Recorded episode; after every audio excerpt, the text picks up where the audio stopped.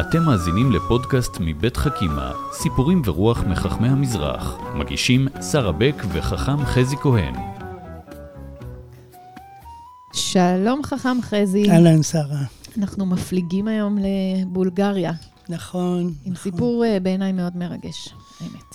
אה, באמת סיפור יפה. אה, על רבי אליעזר פפו, הפלא יועץ, תלמיד אה, חכם עצום, כתב ספר מוסר מאוד חשוב. והעיר היא סיליסטרה בבולגריה, ואחד מבני הקהילה פורש מהקהילה ומתנצר, עוזב את הקהילה. אבל לאחר זמן קורה מה שקורה ומכניסים אותו לכלא. על לא עוול בכפו. כנראה על לא עוול בכפו, מכניסים אותו לכלא ובתנאים מאוד מאוד קשים. ורבי אליעזר פפו שומע את זה ואומר, חייבים לעזור ליהודי. מצוות פדיון שבויים. מצוות פדיון שבויים, ואפילו שהוא התנצר, הוא יהודי ואנחנו צריכים לדאוג לו, והוא עובר בין בתי עשירים ומבקש לאסוף כסף כדי לפדות. זה המנהג שם. איזשהו כלא- כופר אה, כדי להוציא אותו החוצה. בדיוק. והוא מנסה לגבות מהעשירים כסף ולא מצליח, פונה אל עניים, פונה לציבור, ואנשים לא ממש תורמים כסף. צריך להגיד שככל הנראה הוא לא היה היחיד. כלומר, זה היה אירוע שחוזר על עצמו, שיש אה, אנשים שנכנסים לכלא. ו- וצריך אה, לפדות אותם. זה היה אחרת מ- מ- מהיום, מהבחינה הזאת שזה בחוץ לארץ, וזה כמו אצל, נכון. אצל הפריץ. נכון. וגם בוא נזכור שהאיש עזב את הקהילה והתנצר, אז אני מניח שזה Mm. גם גרם לאיזו הסתייגות או דחייה. והוא מבין שיש פה בעיה, והוא אה, מכנס את כולם בבית הכנסת בשבת, וממש רגע לפני קריאת התורה, כולם מחכים, ורבי אליעזר פפו אומר, חברים, אני מודיע לכם, אני לא יכול לכפות עליכם לתרום כסף לשבי, לפדיון שבויים, אבל אני כן יכול למכור את הספרי תורה של הקהילה.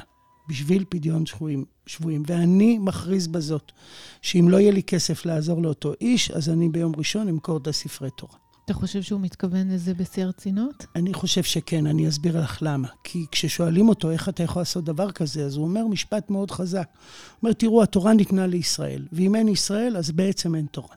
כל, ה, כל מה שאנחנו עושים פה, זה חלק מהסיפור של עם ישראל. בעצם אלוהים נותן את התורה לעם ישראל. ואם אנשים מעם ישראל הולכים ומתפוגגים, נעלמים, נמצאים במצוקות כל כך קשות, אז בשביל מה צריך את התורה? התורה היא נועדה לעם ישראל, ואנחנו, הוא שם בעצם את הערך של עם ישראל אפילו מעל התורה.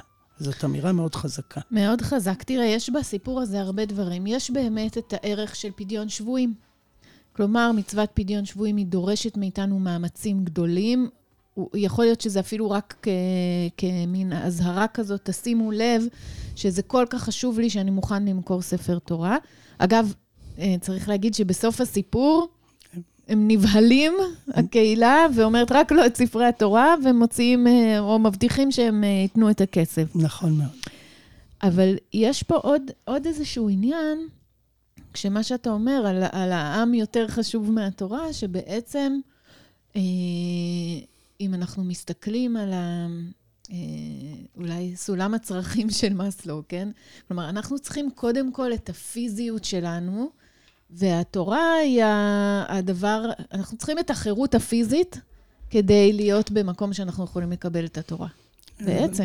רעיון מקסים, וגם ההשלכה של אה, מאסלו היא ממש יפה פה.